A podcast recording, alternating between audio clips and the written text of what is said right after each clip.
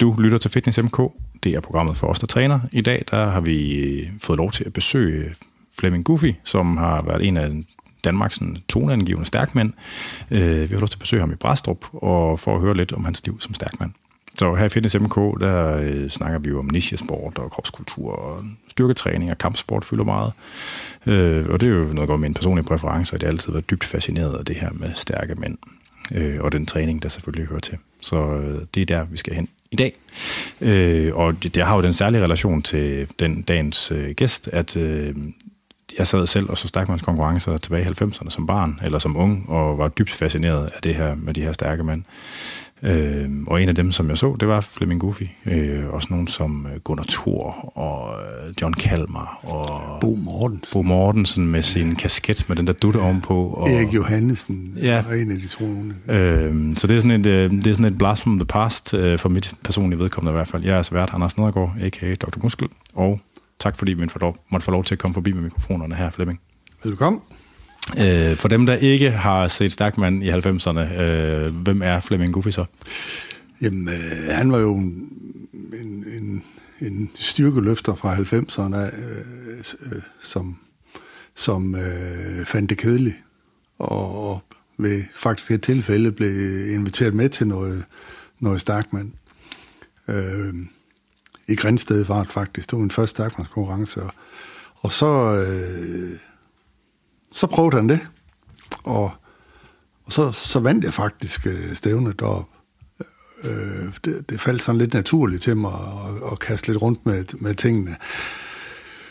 Øh, og, og det gav så en billet til, til Danmarks stærkeste mand i øh, 1994 i Åbyhøj i Aarhus.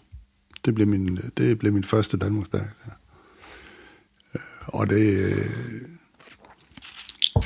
Ja, og så øh, følte det bare trup, og jeg elskede det, og, og kom til at holde mig af sporten, og, og folkene omkring mig, så jeg kunne slet ikke slippe det igen.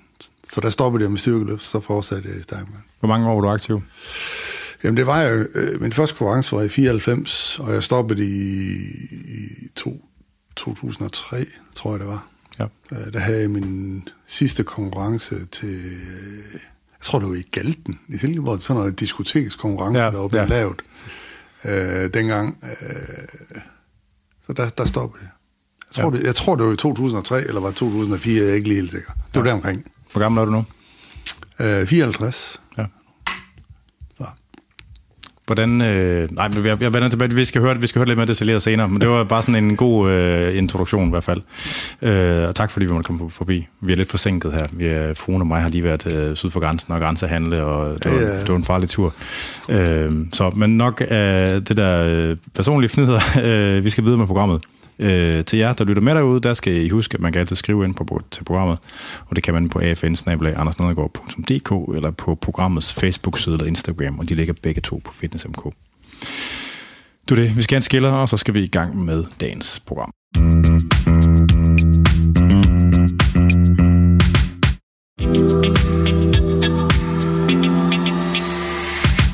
Flemming, du, øh, hvordan, øh, hvordan kom du i kontakt med styrkesport?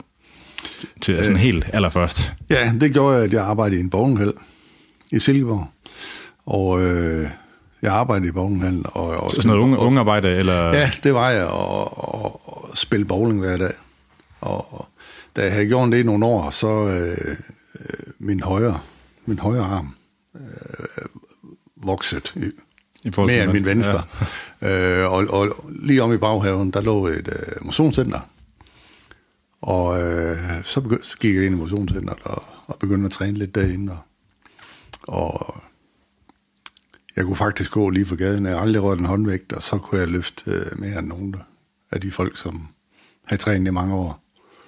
Øh, Men du er ikke sådan noget fysisk arbejde, eller sådan et eller andet, nej, der... Nej, det har jeg ikke. Altså, du var en af dem?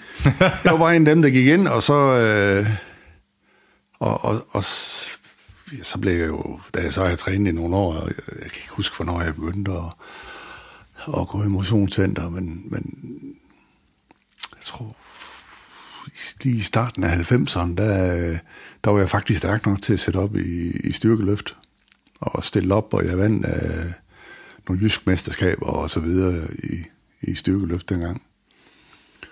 Øh, men altså, det er sådan ret, altså, i mine øjne, det var sådan lidt kedelig sport, ikke? Og ikke særlig publikumsvenlig, og det her med skjorter og sådan noget, hvor meget, altså for, og, og, og squatdragter og dødløftdragter, hvor stor ja. en ting var det i styrkeløft, da i startede 90'erne? Ja, det var rigtig, ja, det var stort. Altså det blev jo mere og mere, altså men så begyndte der jo at komme styrkeløft uden udstyr igen bagefter. Og sådan. Ja, ja, og alle de her jeg, og alt sådan ja. det var jo også nyt dengang og så videre. Okay, så det, okay.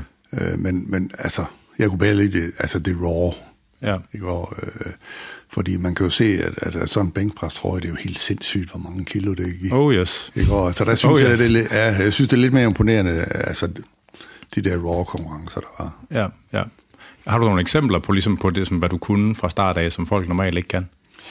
Jamen, jamen det var sådan noget som bænkpres, for eksempel. Øh, presseøvelser og skoleøvelser, det har jeg altid været god til. Var det sådan, du kunne bænkpresse 100 kilo den første dag? Eller, eller sådan? Ja, det var sgu nok deromkring. Altså, det var ikke, jeg tror ikke, det var mig galt. Fuck, det er irriterende, mand. Og, og, og min, øh, hvad hedder det, og, og jamen, jeg øgede jo simpelthen i raketfart. Øh, da, så altså, der blev jeg fuldstændig grebet af det der. Det, det gør jeg. Lige fra start af? Ja, det gør jeg. Altså, så det var syv dage om ugen? Eller? Nej, nej, ja, nej, fire-fem gange om ugen trænede. Okay. Øh, og det, og det gjorde jeg faktisk øh, i mange år, indtil, indtil jeg fandt ud af, at jeg trænede forkert. Ikke? Øh, jeg plagede mange skader og så videre. Og så, øh, jeg tror faktisk, det var Magnus Magnusson, der hjalp mig med at lægge et program. Okay. Der var, der var der ham og jeg mødt i et par konkurrencer inden der, og så videre, og, og vi kom til at snakke træning, og så videre. Og nu er vi helt op, altså efter ja, ja, ja, ja, ja, ja, altså.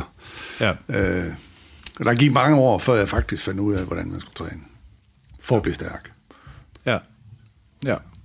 Øhm, det der ligesom med at, at have sådan en højere baseline end gennemsnittet, altså det kommer jo gerne fra ens forældre. Har du stærk? Er, din, er dine forældre også sådan nogen? Der... Nej, det, det er de ikke. Min far var maskinarbejder, og jeg tror kun, han har trænet fodbold og håndbold, da han var ung. Og i en roklub, og min mor, hun var sygeplejerske, hun havde aldrig dyrket noget. Nå. Men er de blevet testet? Altså har de haft en oplevelse af at blive testet fysisk på nogen måde, hvor, hvor der kommer en eller anden særligt ud? Nej, ikke sådan rigtigt. Nej. Nej. Det er bare sprunget et led over på en eller anden måde, eller kommet ud af ingenting.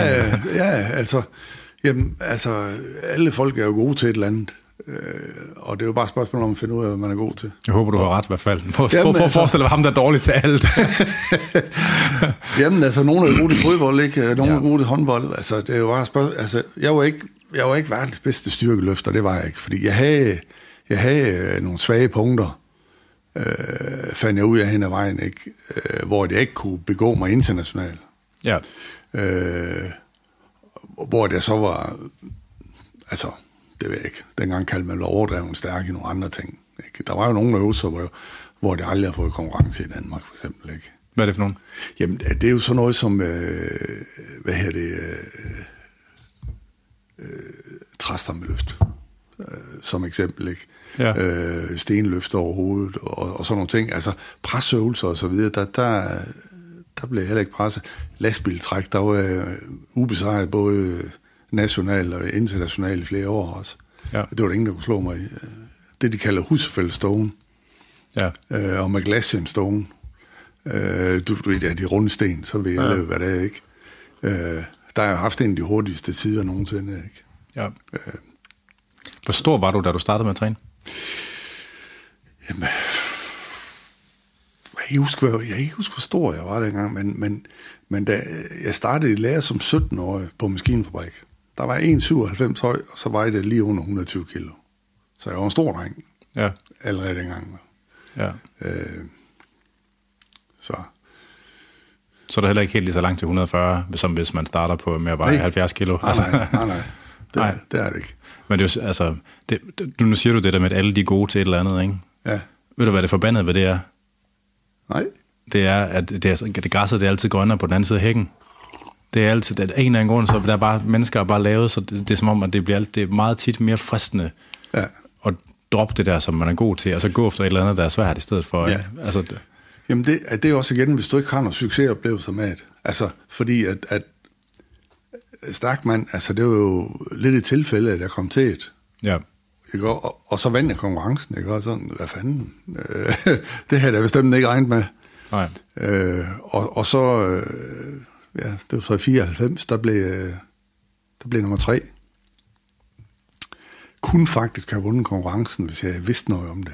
Til din allerførste konkurrence, eller til Ja, ja, første? til okay. allerførst Danmarks ja. stærkeste. Jeg kom fuldstændig grøn, og jeg, og jeg kunne have vundet konkurrencen, hvis jeg havde vidst en lille smule om det. Hvis jeg havde prøvet øh, det flere gange, vil jeg sige. Ja. Jeg havde, øh, kommer i min gummisko og skal trække en, øh, en bus på en løbebane, som er sådan noget, det her sort grus, de løber i, ikke? på de der atletikbaner, og alle de andre kommer i piksko og fodboldstøvler, og jeg står med der med sådan nogle, øh, altså sådan nogle ting der, der tabte simpelthen alt for meget øh, ved et afstand til, Ja. ja. til, til dem, der vandt. Hvad var din styrkeløftertal før den, altså før den første konkurrence der i Stakman?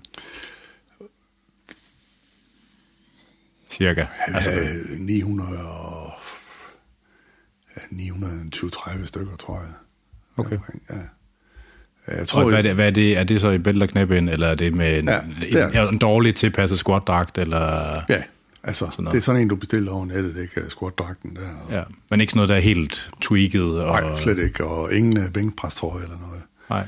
Øh, men, men alt i alt, imens jeg dykker stærk, man, der, der endte jeg omkring 1000, der, der tror jeg, der var jeg stærkest. Fordi jeg havde et dødløft, der halvede bagud. Det halvede meget Det er spøjst med din, din bygning taget i betragtning. Sådan, altså, du har jo lange arme, og... Jamen, jeg har en lang ryg. Ja, ja, Det det, går, altså det, det, det kunne jeg ikke. Det, det tungeste, jeg nogensinde har løftet i, i dødløft, er- jeg tror, det er 330. Men Ja. ja. jeg har ikke løftet. nej, det er spøjst. Ja. Så hvordan er de fordelt tallene? Jamen, jeg, jeg bænket 82, og så omkring 400 i, i ben, ikke? Ja. Damn. Så 30 i, Ja, i dødløft. ja. Så det er den, her, den første konkurrence, altså hvordan... Øh, vidste du, hvad for nogle discipliner der var? Eller hvad for nogle, hvad for nogle events der var? Nej. Nej. Du mødte bare op, og så... Jeg tror, det var bare op i min, øh, i min øh, spavlet øh, gasptrøje og, og store bukser og bæltetaske, ikke ligesom alle de andre. Og, Havde du de der super, de der, øh, hvad hedder det, baggy pants med striber? og ja, med alle mulige farver og alt det der. Det var så moderne dengang. Har du Så stadigvæk sådan man- Jeg har et De par. findes, det er blevet, nu det, er jo kommet ved at komme tilbage, de der Ja, supers. jeg har, jeg har et par, som øh, når vi, nogle gange, når vi mig og kæresten er på motorcykeltur eller et eller andet, så har jeg brugt dem som natbukser. Ja. Nu, siger, nu siger de, at jeg er simpelthen så grimme til ham. Kan du, altså, hvor tydeligt husker du den første konkurrence? Ej, men den husker jeg ret tydeligt. Kan du fortælle lidt om, ligesom, hvad, der, altså, hvad der skete? Hvad, hvad var det første event? Øhm, pff, ah, så tydeligt kan jeg ikke huske det. Øh, Så Altså, du, du må blive eksponeret for, at du kunne gøre nogle ting, der- som du ikke har prøvet jo, før. ja, altså der var jo, der var jo øh, der var sådan nogle farmer op med et O, kan jeg huske. Øhm, og så var der selvfølgelig træster. altså et joke, eller... Ja, med, altså joke, ja, med et O. Du ved, Ja, ja, ja. gammeldags O. Ja. Øh, nøjagtigt, nøjagtigt det samme, som de gjorde i, i, i den gamle bys Hercules, du ved, sådan en gammeldags Ja, ja. Der. Øhm, og der var dødløften på en, på en bil, bag på en bil. Og, og så var der nogle læseøvelser, og der var også træstamløft. Og, ja. Det er så lige væk. ja. Men det der ligesom, altså, øh, hvad kan man sige, meget styrke er jo også ligesom ret, hvad kan man sige, specifikt, så hvis du kan presse meget på en stang, det er ikke det samme som du kan presse meget på en lok, og altså sådan, øh, har du det der sådan, øh, hvad skal man kalde det sådan, øh, Ja, det kan man alligevel ikke, fordi jeg har faktisk, øh, hvis du ved, hvem ham øh, Raymond Bachmanas er, ja, ja. som var, øh, han er jo... Og det siger, det kan man ikke, altså det, er- det er jo ikke nej, nej, okay, ja, ja, jeg tror du sagde, man kunne, fordi... Øh, der, det, den anden vej, der er nok, ja. den anden vej er der nok ja. en bedre overførsel. fordi han var en fantastisk vægtløfter, Ja, men han ja. har slået træstamløft, ikke? Ja. Selvom han kunne løfte 250 kilo overhovedet, ikke? ja. Øh, på en stang. Men det er helt, helt, helt forskellige ting. Ja, det er det. Ja. Men, men altså sådan, kunne du godt øh, altså, sådan stabilisere det, altså, eller bommede du ud, fordi du ikke, altså sådan, altså hvis du ikke har prøvet at lave, altså log press, hvis, ikke man, hvis, man har, hvis man har lavet styrketræning med stænger, og den første gang man skal på log press, så er det fandme ned med noget skrald. Ja, det er det. Altså, det var noget af det første, som man fik, og så skulle have hjemme i... Fordi det skulle, det skulle trænes i. Ja. Og det, det, det blev jeg faktisk ret god i. Øh, og jeg er på listen af, af verdensrekorden. Ja. Øh, jeg satte den i... Oh, 98, 97 eller 98, det kan jeg ikke lige huske. 100, Hvad kom du op på? 182 valg. Ja. Jeg slog jo Jamie Reeves Ja. rekord dengang. Og øh, så kan jeg fandme ikke huske, hvad fanden det var, der slog mig. Og så kom øh, Så vi kan, så, så ja, så Viskas der, og så har han det nu bare gået 10 stærkt. dage efter, og sådan noget der bagefter. ja. Og den satte jeg i, ja, i Dubai. Hvad fik du i lok til den første konkurrence der? Det var, var, det sådan, det var det den første gang, du prøvede en lok overhovedet?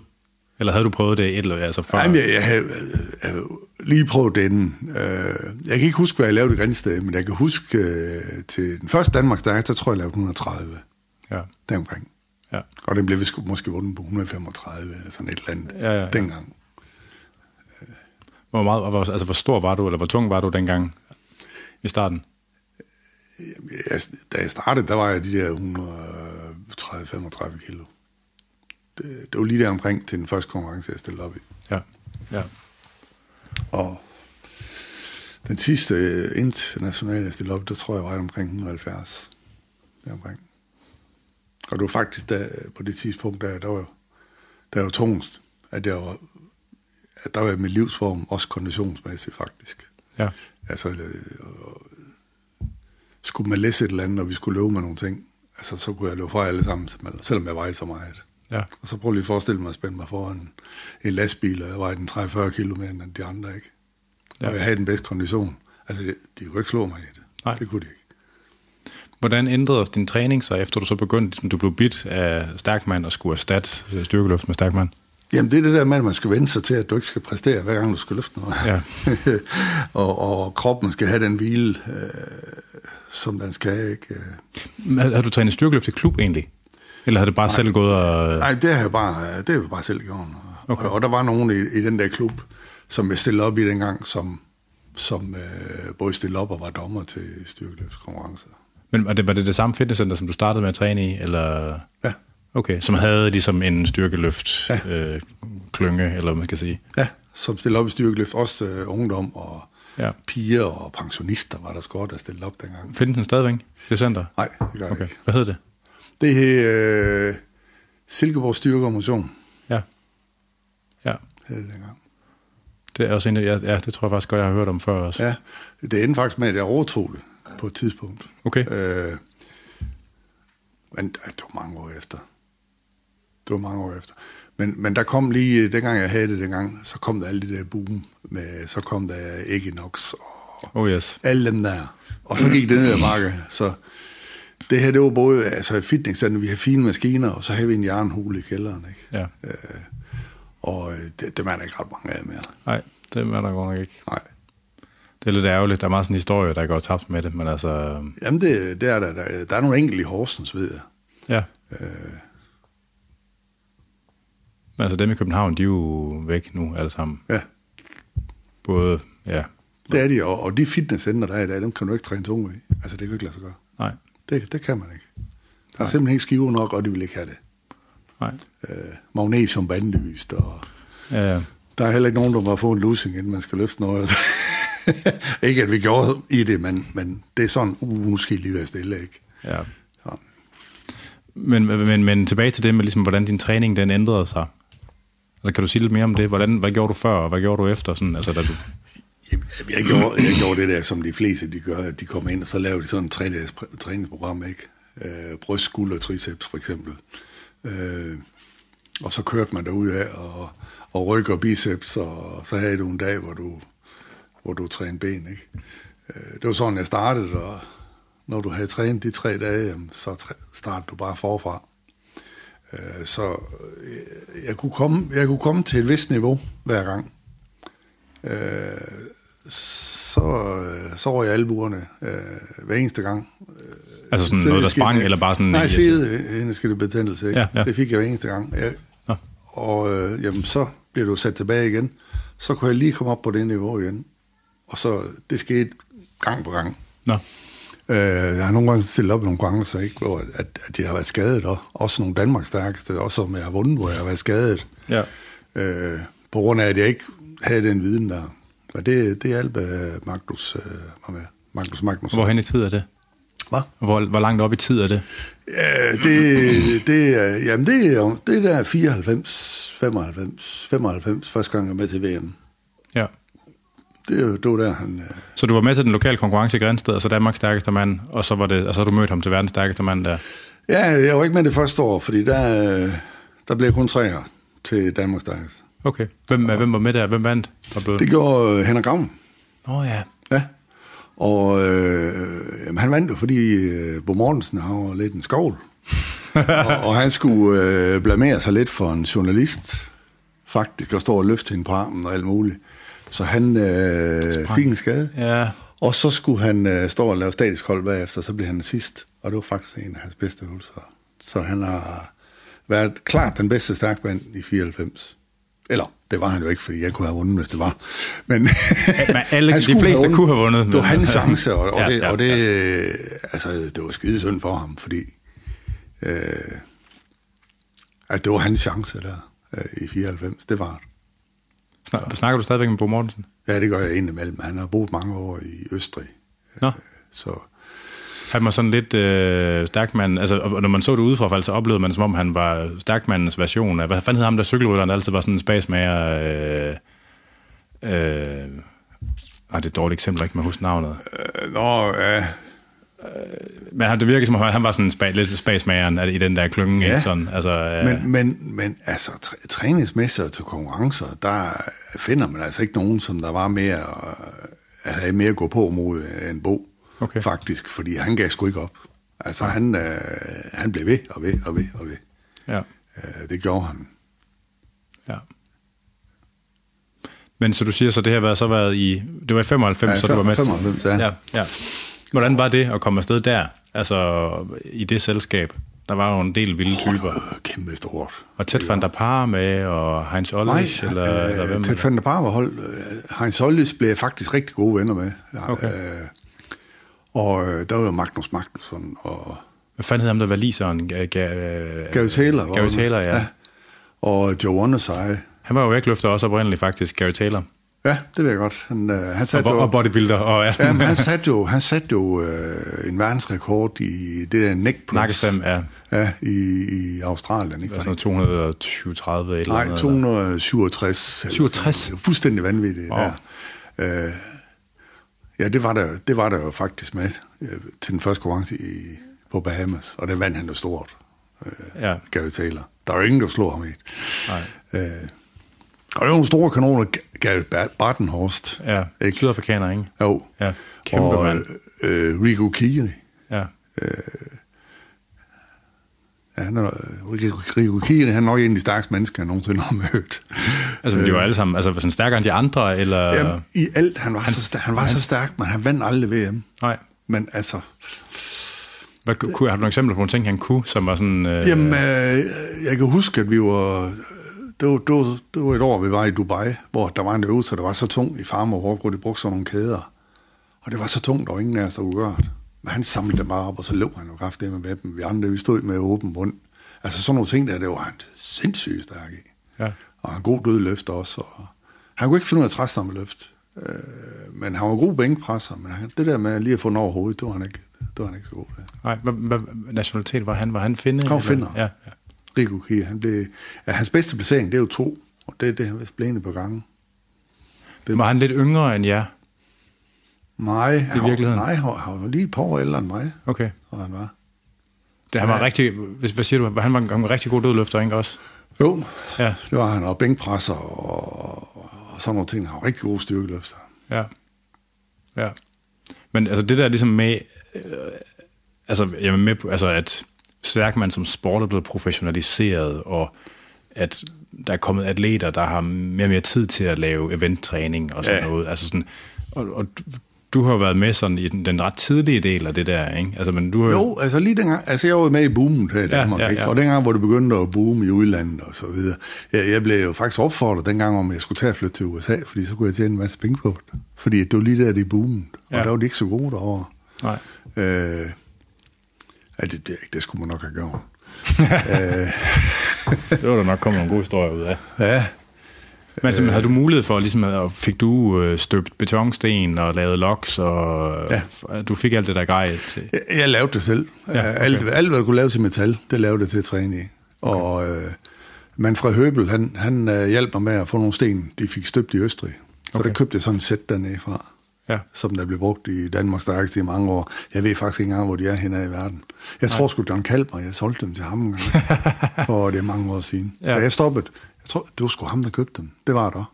Ja, jeg skal spørge ham, når jeg, når jeg forhåbentlig får fanget ham en gang. Jamen, det var det. Der kom han, fordi hans, jeg tror sgu, hans datter kom og hentede dem.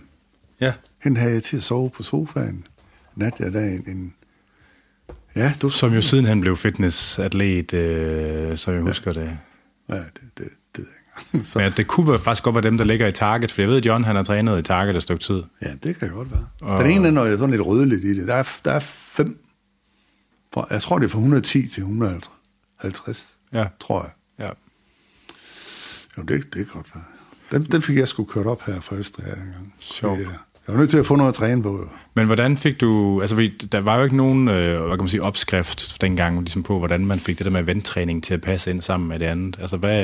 Nej, og der var ikke noget Facebook og sådan noget dengang. Nej, nej. Det var det jo ikke. Og der var ikke, altså man kan sige, der var jo ikke samlet set lige så mange erfaringer og, og, og tære på, som der nej. altså er nu. Altså, så hvad, Nej, det er det ikke, og, og, og jeg må sige, dengang der trænede man jo, det var måske 80 procent i fitnesscenter, ikke? Og så, og så ja, 20 procent, det er om mig, der siger, at man træner øvelser.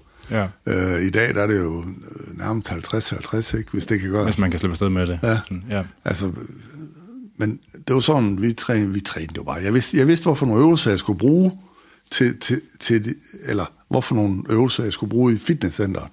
Ja. Øh, sådan at jeg kunne bruge det i stærkmand. Og, ja. og, og det var det, jeg trænede på. Og så fandt vi, der til sidst, så fandt vi da lige træstammen frem en morgen før, ikke? Så lå den, øh, så brugte vi lige den sådan tre-fire gange, inden vi stillede op. Og ja. Så lige ud at træne på det. Det var nok, altså sådan for dig? Jamen, dengang, det, det gjorde man jo ikke. Altså, nej, nej. Tror du, du kunne lave mere? Altså, hvis du, ja, hvis du, hvis du nu brugte træstammen i gymmet som din pressetræning til, når du skulle lave overhead, altså, tror du, det kunne være blevet til mere? Jamen, altså... Jamen, det ved jeg sgu ikke, for altså, jeg, tror ikke, jeg har tabt en træstamme øh, løft i Danmark. Øh, Nej. Nogensinde, faktisk. Øh, og når jeg stillede op til Danmarks stærkeste, så var jeg jo aldrig presset til mit limit. Altså, aldrig nogensinde. Nej. Altså, Men det har været, det var i øvrigt sjovt nok, det har været historien med Danmarks stærkeste mand, at dengang Nikolaj Hansen, han var toppen af poppen, der, der var han svær at true. Da Mikkel han vandt, der var han svær at true. Altså sådan, ja. sådan har det været med mange af dem, der har været, ligesom, hvor der har været et ret stort stykke ned til nummer to. Altså, ja. Sjovt nok egentlig. Jeg kan ikke Jamen, lide... det var du. Jeg, jeg, havde, jeg tror, der er to Danmarks der, hvor jeg vandt alle konkurrencerne. Ikke? Og der det ene år, der var det jo... Øh, der var der ikke nogen øh, præmie. Men der var der præmie på hver vunden øvelse, at du fik. Nå. Så der var ikke nogen, der fik noget med. Nå. Altså, jeg tog hele pisse. Men var, altså, var der pengepræmier på de der de første Danmarks Ja, det var der. Øh, ja, jeg tror, det lå en 20-25.000 en gang. Okay. Faktisk, da der var tv på, der var det lidt nemmere. Og hvem var det der egentlig, der var arrangør på det? Var det TV2 selv? Eller? Ja, det var Peter Anker. Det var Peter Anker? Ja, oh. han, han lavede jo... Oh, det er rigtigt. Ja, han lavede jo... Og det gik jo faktisk ret godt. Altså, der er jo aldrig, der har aldrig været lavet så mange konkurrencer i Danmark, som dengang, da han gjorde det. Nej. Øh, Hvad laver han nu? Øh, jeg ved faktisk ikke. Øh, jeg, jeg har stadigvæk kontakt til ham, men øh, jeg tror, det er en 10 år siden. Han bor i Danmark? Ja, det gør han. Han bor, ja. han bor på Fyn. Okay. Øh, og vi skriver lige kort en gang imellem. Jeg tror ikke, jeg har set ham i en 7 år. Nej. Og det kan være, at man skal have fat i ham også på et eller andet tidspunkt, ja, hvis man skal samle hele historien. Ja, ja. ja jamen, han blev, det var det samme, da han har fået bygget det der op. Ikke? Så kom der nogen, der troede, at de kunne gøre det bedre. Men altså, det, var, det, det som han lavede der, det var, det var, var det ikke det første sådan rigtig stærk mand i Danmark? Eller har der nej, for det har jo kørt, det har jo kørt i den gamle by i nogle år også. Var, var det før? Ja. Det kørte før simpelthen, okay. Ja. Øh, og der lavede han jo det der DFSA, eller hvad ja, han ja, kaldte ja. det. Øh, og, og, og det skulle have den samme, øh, hvad hedder det, navnet skulle have det samme, så det klingede ligesom det, det internationale. IPSA, eller hvad pokker det hedder, ja. Ja, og, og, og dengang der var det jo sådan, jamen hvis du inviterede nogen med fra udlandet, som, som de arrangører til VM, de gerne vil have, jamen så kunne du få din mand med til, øh, til VM. Okay. Altså det, det, det var sgu sådan lidt... Øh, øh, det, Korrupt, det, var lidt, eller- ja, det var lidt noget mærkeligt noget nogle gange, fordi at der, så, så kom der nogen af fra nogle lande, som overhovedet ikke kunne noget som helst, men de kunne finde ud af at arrangere en konkurrence, ikke? Ja. Og, og, og så tænker man, at der er jo der er en masse stærk mand, som faktisk ikke fik lov til at stille op, og så kommer der nogen med, som aldrig nogensinde skulle have sat deres fødder i en stærkmandskonkurrence.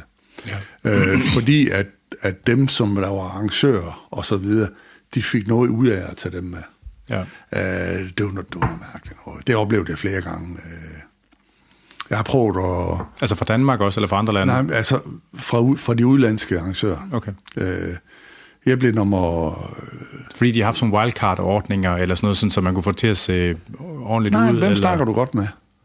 Okay. Og hvem kan holde sin kæft, ikke? Altså, fordi vi, vi brokkede os slet i, i 95 til, fordi vi synes det var en unfair konkurrence til VM.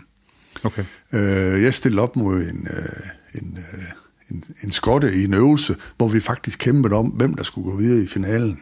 Ja.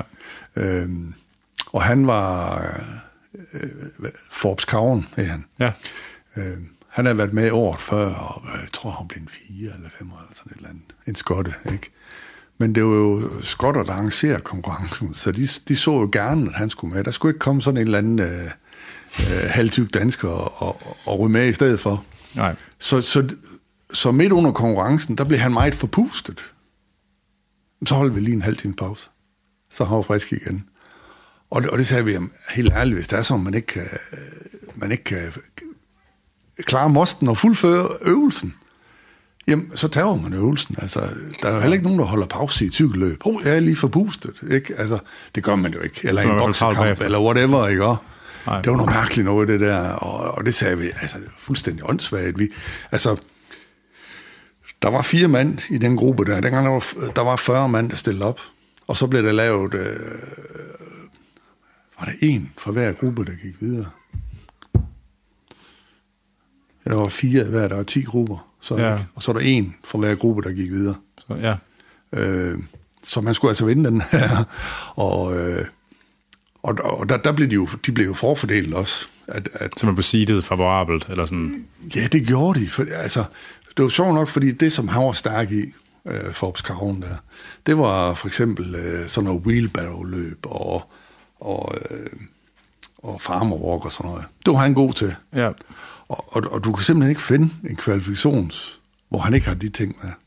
Han blev aldrig sat til dødløft, fordi manden han kunne ikke dødløfte 250 kilo, det kunne han ikke. Men han var god til det andet der. Øh, og, det, og det kunne man jo se, at øh, jamen, så satte de ham bare lige med ham der, den halvfede dansker der, ikke? og så de andre der, fordi så går han videre. Men det gjorde han sgu ikke. Altså, der er... Men sådan nogle historier, de, de, nu, det findes jo også mellem Eddie er Hall og Jamen, Aptor og... Der, altså, der er over det hele, og heldigvis så trumlede jeg bare over ham, og så gik jeg ved til finalen i mit første VM der, og blev femmer dengang. Men altså, hvad kan man sige, Stærkman har jo sit ophav som sådan noget bymarkeds noget, ikke? Hvor, det allerede, hvor det har været sådan på et meget uformelt plan, eksisteret helt tilbage i 1800-tallet. Ikke? Så skulle man løfte ambolde og ja. Ja. bøje hestesko. Det er der og, måske ikke så meget mere. Ikke? Nej, nej, men, nå, men det, er Altså- jo det, der, det er det der, det ligesom er, det er ophavet til Stærkman ja. på en eller anden måde. Ikke? Ja, ja, og, Hvor det, har været, hvor det har mere været, hvad skal man kalde det, det har mere været en performance, end det har været sport. Ikke? ja, ja, ja. Og, og, hvor meget, altså fordi, det, det der typisk sker, når man har atleter, der er utilfredse med ting på den måde, det er jo, at så begynder man at formalisere, så begynder man at lave regler og rammer og sådan noget. Ja. Og, og øh, det gør selvfølgelig, det bliver mere, Jan, for nu laver jeg lige anførselstegn, ikke? men altså, det gør selvfølgelig, det bliver mere retfærdigt. Men det, det gør bliver- også, det bliver lidt mere kedeligt. Altså, det bliver standardiseret, Ja. for eksempel, ikke? også? Fordi noget af det altså, magiske ved Stærkmand, det er jo også det der drama og sådan noget, altså sådan noget, der er omkring det, ikke? Ja, jamen, det er det, og, og, og dengang var det også mere showpræget, ikke? End, Ja, ja, ja. Jeg synes, det er røvkedeligt at se det. Jeg gider ikke se det. Jeg ser det faktisk ikke. Nej. Øh, fordi jeg synes, det er det samme og det samme, det laver. Øh, jeg synes, det er sgu, jeg synes, det bliver kedeligt at se på. Det har mistet det der show, som der var dengang. Ja, men det er jo det der, altså fordi, at, det er jo det der med at finde balancen mellem, hvor meget det skal være sport, og hvor meget det skal være Ja. performance, ikke? Altså, ja. øh, for det kan nogle forskellige ting på en eller Jeg anden synes, måde. det var fedt at komme ud i et eller andet sted, så skulle vi løfte på en eller anden træstamme, som der stod en eller anden øh, lokal tømmer og hugget ud, ikke? Og, Ja. som var pisse skæv i den ene. altså, større i den ene ende end i den anden, ikke? Øh, altså, det synes jeg, det er jo spændende. Ja. Men det er jo ligesom det, er jo det skisme, som stærkmands sport er i, at, ligesom, at man skal balancere imellem de der to ligesom, poler, ikke? Ja. Øhm, men til den første konkurrence der, altså, de var jo... Altså, det er den første verdens stærkeste mand. Altså, så der møder du Magnus van Magnusson. Ja. Var Manfred Høberl også med der? Nej, Det er først. det var han ikke. Det, det var et par år senere, så... nej, fordi han blev jo øh, to år i 94. Okay. Øh, jeg tror, var det ikke der, han kørte galt? Så, Den første gang. Ja, hvor jeg stillede op der. Jeg har stillet op mod ham et par gange, men det er så efter, han kom tilbage. Okay. Jeg tror, det var, jeg tror faktisk, det var 95. han kom 94, var det der, hvor det var i Sun City i Sydafrika? Det tror jeg, det var. Ja. Det tror jeg, det var, ja. Ja. Den har jeg fandme set mange gange, den konkurrence, så... Ja. Det regnes så for en af de bedste øh, ja. nogensinde. Afgjort i finalen på sten mellem ja. Ja. Magnus van Magnussen og Høberl. Ja, ja, det er Jamen, det. det er. Ja, okay, yes, ja, ja, nu er jeg der. Ham kom jeg så til at lære øh, at kende senere hen. Øh, Manfred Høbel. Han blev selv arrangør. ja. Han, tog, han tog kampen op mod verdens stærkeste. Og selv lavede det. Faktisk. Okay. Så i 99, der var der to verdens stærkeste. Hed de begge to verdens stærkeste mand? Ikke på papiret, men på trofæet. Det hed Full Strength Challenge. Okay, nå, det er jo den, det er jo Manfred Høberl. Ja, det var ham, der arrangerede det. Okay. Interessant. Ja. Og der tog, det var simpelthen, øh, jamen, at, altså det, det udfældte sig jo i, at, at et af de værste øh, VM, der nogensinde har været, det var, det var verdens stærkeste mand i Marokko. Okay. Øh, jeg møder op, øh, jeg har aldrig været stærkere, øh, hvor der trænede specifikt efter det. Mit øh, træningsprogram, det kørte, jeg var fit for fight, jeg var knoklestærk på det tidspunkt. Jeg udraderede alle i, øh, i mit øh, heat, øh, efter jeg var blevet, der blev jeg to år i 97. Ja. Øh, jeg lavede et par fejl, ellers så skulle jeg skulle have vundet i 97. Jeg, jeg mødte jo Ahola i 12 øvelser, og jeg vandt i 8. Ja. Men jeg lavede et par små fejl, der faktisk gjorde, at, at han vandt i stedet for jeg gør. ja. Det var din bedste placering, der er andenpladsen der, ikke? Jo, Ja. øh, så øh, jeg trænede specifikt efter til 98, der skulle det være, og det var så i Marokko, øh, i Tanger. I, og øh, jeg har aldrig været i bedre form. Jeg har aldrig været tungere, jeg har aldrig været stærkere, jeg har aldrig haft bedre kondition.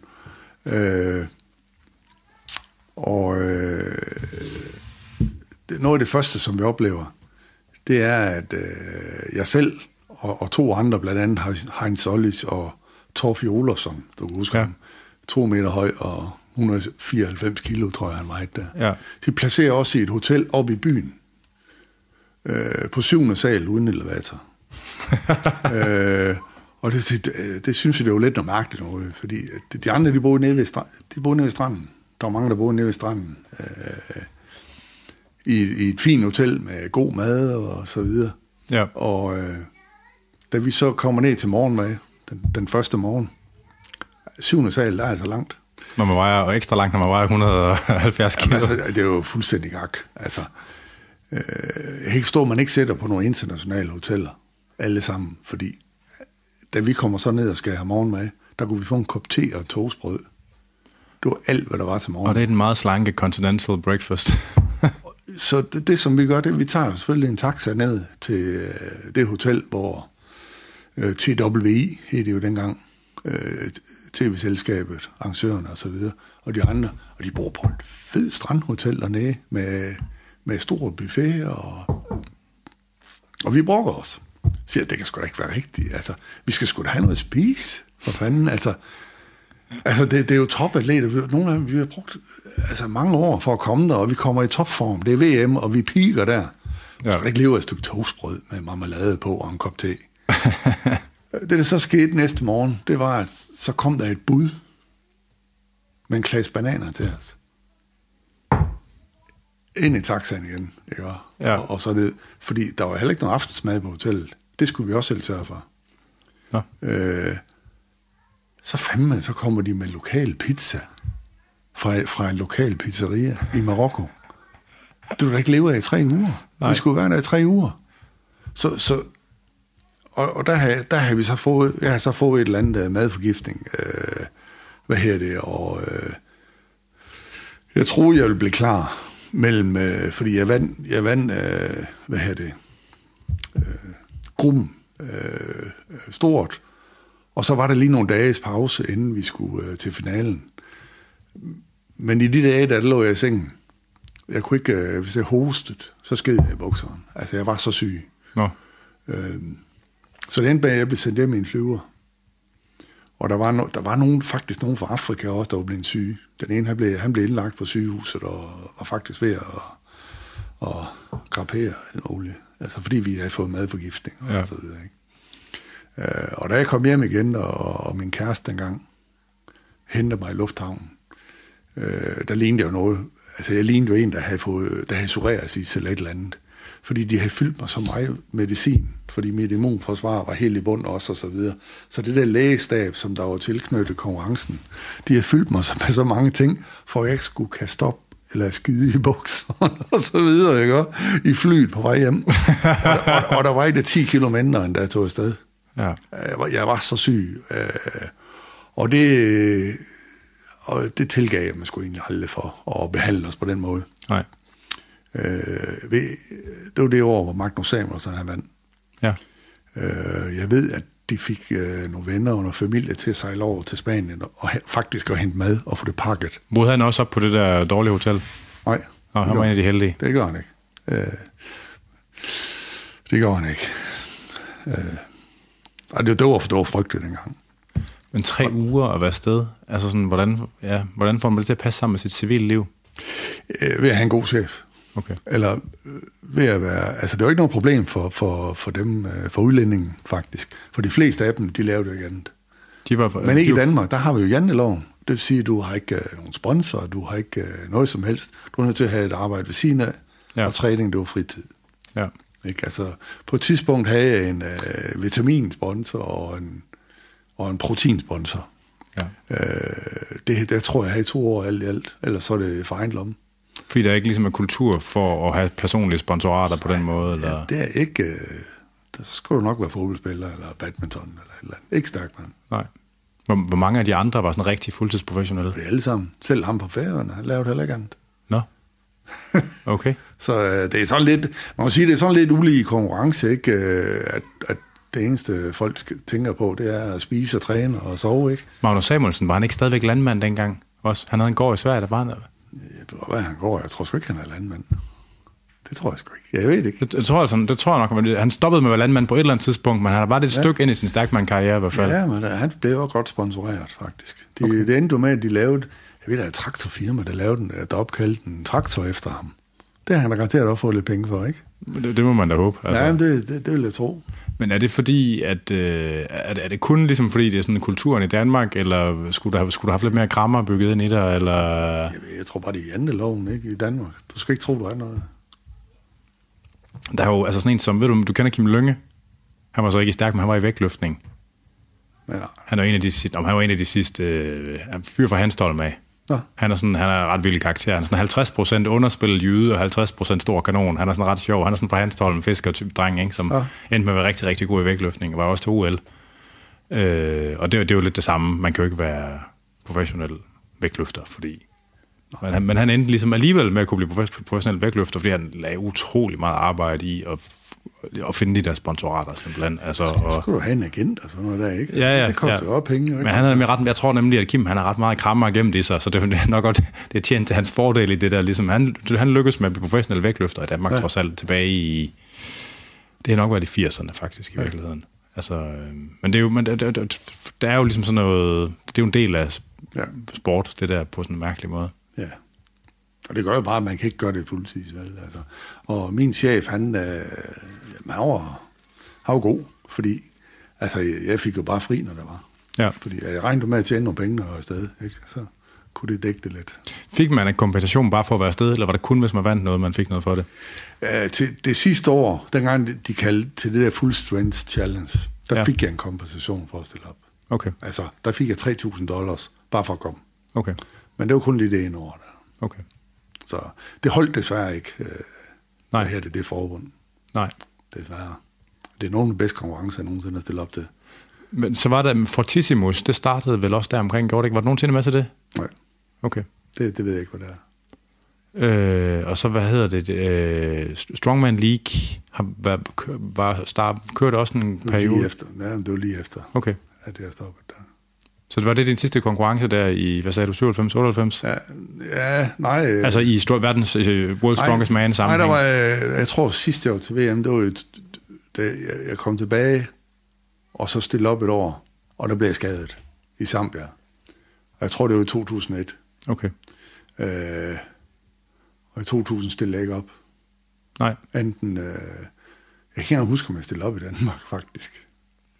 Får man sådan en permanent invitation, hvis man har placeret godt, eller øh, hvis man kender... Øh, Folkene bagved godt hvis du nok, vinder eller? et eller andet, og du er øh, top 5 eller et eller andet, så er du med. Men, Okay. men ellers så gør det sgu ikke. Nej. Altså, efter, vi havde, efter jeg blev nummer to i Las Vegas i 97, der blev jeg ikke inviteret med til Europas stærkeste mand, Nå, selvom jeg blev nummer to til VM. Men det blev fem amerikanere. Fordi det kunne du se, det var der med en forretning i. ja. Altså det, er jo, det synes jeg, det Som er i navne, der vil give flere visninger? Ja, eller... eller de inviterede dem til USA, og så kunne de komme over og så stille op i noget. Altså, der er fem amerikanere i Europas stærkeste mand, det er jo hul i hovedet. Ja. Og, så- og så de undlader at tage nummer to til VM med, som jeg, og jeg skulle faktisk have vundet, ikke? ja. Altså, så Men det, altså, det, der var masser politik i det. Det, ja. det synes jeg, der var. Øh, der, der, der, var en, øh, der var nogle store konkurrencer i øh, Australien også. Ja. Øh, der blev jeg heller ikke inviteret med. Men, Og det kunne man godt så en tur til faktisk Australien. Nogen, ja, faktisk øh, flere, som ikke, øh, som ikke havde kvalificeret sig til finalen i VM, blev inviteret med. Jeg ved sgu ikke, hvorfor jeg ikke blev inviteret med. Det var nok fordi, at vi ikke kunne tige stille, hvis vi synes, der var noget, der var galt. Jeg ved det ikke. Nej, nej. Ja, det er gidsninger. Jeg, jeg ved det ikke. Nej, nej, men, altså, men det, de der ligesom, altså, mere eller mindre eksplicite øh, beskyldninger om nepotisme, det er jo noget, der har, altså det har jo gået igennem al den tid, altså rigtig meget, også, altså, Ja, jeg kvalificerede mig til, til, øh, til, der var sådan en, en kæmpe stor konkurrence i Hawaii, og ja, det kvalificerede jeg mig ved at blive fire eller fem år til Europas stærkeste Ja. i Finland. Og så hørte jeg ikke mere. Top 5 skulle med. Jeg hørte aldrig noget. hvem var arrangør på Europas stærkeste? Øh, det, var, det, var så, det, var, det var i Finland, det her. Men, men der er de jo også ind over. Øh, Men var det, er det et forenings, eller sådan forbunds Nej, men ting, eller er det tv-ting? Ja, for det, der var jo... Øh, hvad fanden er det, det hedder? Øh, det, det var jo Jamie Reeves og nogle stykker andre, der, som, som, som blev inviteret med til de forskellige lande og så videre, og så var det ligesom dem, der, der pillede ud, hvem der skulle med til Okay. de forskellige ting. Ja. Men så er man tilbage igen ved, ved det der med balancen mellem, om det er en sport, hvor der er regler og kvalifikation, og der er sådan noget styr på det, og det, om det er en, en performance, ikke? Det er ja, der, det kommer fra ja, igen, ikke? Altså, det, øh, jeg, jeg tror aldrig, der har været øh, en, altså en konkurrence dengang, hvor at, at faktisk de stærkeste, de altid var med. Hvem var de stærkeste? Hvis man spørger... Øh, Jamen, du kan se, altså man bliver udladt jo. Hvis, ja. du, ikke, hvis, du, altså, hvis, hvis du tager en, der bliver øh, nummer, øh, øh, nummer 10 til verdens stærkeste, i stedet for at tage nummer 2 med, jamen altså, ja. Hvem var de, altså der er slut 90'erne, altså hvem var de vildeste i verden, hvis man spørger dig? ja, det var Magnus Magnussen. Okay. Det var han, han var, altså han var ikke, nej, han var ikke den stærkeste, men han var, han var de klogeste. Han lavede ikke så mange fejl. Nej, og, og han vandt jo ikke ret mange øvelser. Nej. Men han faldt aldrig igennem nogle øvelser. Nej. Altså, han var altid placeret højt. Øh, og det blev Magnus Samuelsen, det blev han jo faktisk rigtig god til. Han, øh, han vandt jo, øh, der, der kom jo en stor konkurrence i Kina på et tidspunkt. Okay. Og der, der vandt han faktisk konkurrencen, men han vandt ikke en eneste øvelse. Og det, det, og de siger, hvordan fanden kan det lade sig gøre? Øh, ja. Men de siger, kan du place- placere dig sådan midt i, og så vinde to-tre øvelser til VM, jamen, så vinder du hele lortet, ikke? Ja. Ja. Men han, øh, det var tit, så vandt han ingen øvelser, men han vandt sgu konkurrencen alligevel. Ja. Og, og falder du alt for meget igennem i nogle øvelser, ikke, og, eller laver fejl, ikke, så, så er det sgu slut. Ja. Men det er jo så også nogle konsekvenser af det måde, ligesom at man får point for placeringer og sådan noget, ikke? Ja. Altså, Ja, og, og der, der er faktisk det, som man fra Høbel lavede dengang, uh, Full Strength Challenge. Ja. Ja. Der, der kort du, du er vinderen over tre, tre konkurrencer. 30 øvelser. okay. Der er ikke nogen vinder, bare én konkurrence, du kommer. Du kan have en god og dårlig dag. Altså, det kan man jo alle sammen, og lave nogle fejl. Men det var på 30 øvelser, at de kort vinderen. Og der havde de simpelthen... Altså tre konkurrencer med 10 øvelser i hver? Ja. Puha. Og der havde de simpelthen lavet nogle krukker, ikke? og så siger de, så, det var uh, Gary Taylor, han var jo dommer dengang, Okay. uh, der var han anden trunget så tilbage, eller, det kom helt af selv, dengang han smadrede hans ben. Jo. Uh, rygøvelser, smid alle de lapper papir i en kruk, ikke? og udfoldningsøvelser, uh, skuldre, ben og så videre. Og så trak sådan hver gang til hver konkurrence, hvad man skulle lave. Okay. Øh, og da vi mødte op, der, det var hemmeligt, hvad vi skulle lave. Der var ingen, Ja. ja. der vidste noget. Der var ingen, det, det kom jo heller ikke til, til VM, og det, dengang, der fik det jo vide et halvt år før, ikke? Ja. at du skal stille op i de der øvelser der. Nå, Man så kan, ja, træner du bare i det, ikke? man kan godt se, der kan være noget charme i både, at man får noget at vide, men man kan også godt se noget charme i, at man ikke får noget at vide. Ja. Eller det kan være blandet. Du skal jo sådan er til det hele, ellers så kan du ikke vinde. Ja. Altså, det skal du. Så øh, det, ja, vi prøvede at se, om vi ikke kunne få noget at vide. Det kunne vi sgu ikke. Bare, bare kom i god form, siger det så. Og det, og det var sådan en stor blanding af det hele. Ja. Så der var ikke... Øh, altså, stille op i en øvelse, ikke, hvor der har været tre greb øvelser, for eksempel. Det er jo de helt vilde med i Finland. Ja. Altså, så havde vi simpelthen så ondt i armene og fingrene, at vi kunne ikke, øh, vi kunne ikke engang holde ved os øh, energidrik. Ikke? Øh, men det var øh, pænt blandet der, og det var super godt udstyr. Det var, så det okay. Var Manfred Høbel, og, og så Gary Taylor, som der var dommer, og så han hyrede en, der hed øh, Marcel Ennis, her han, fra Canada Ja.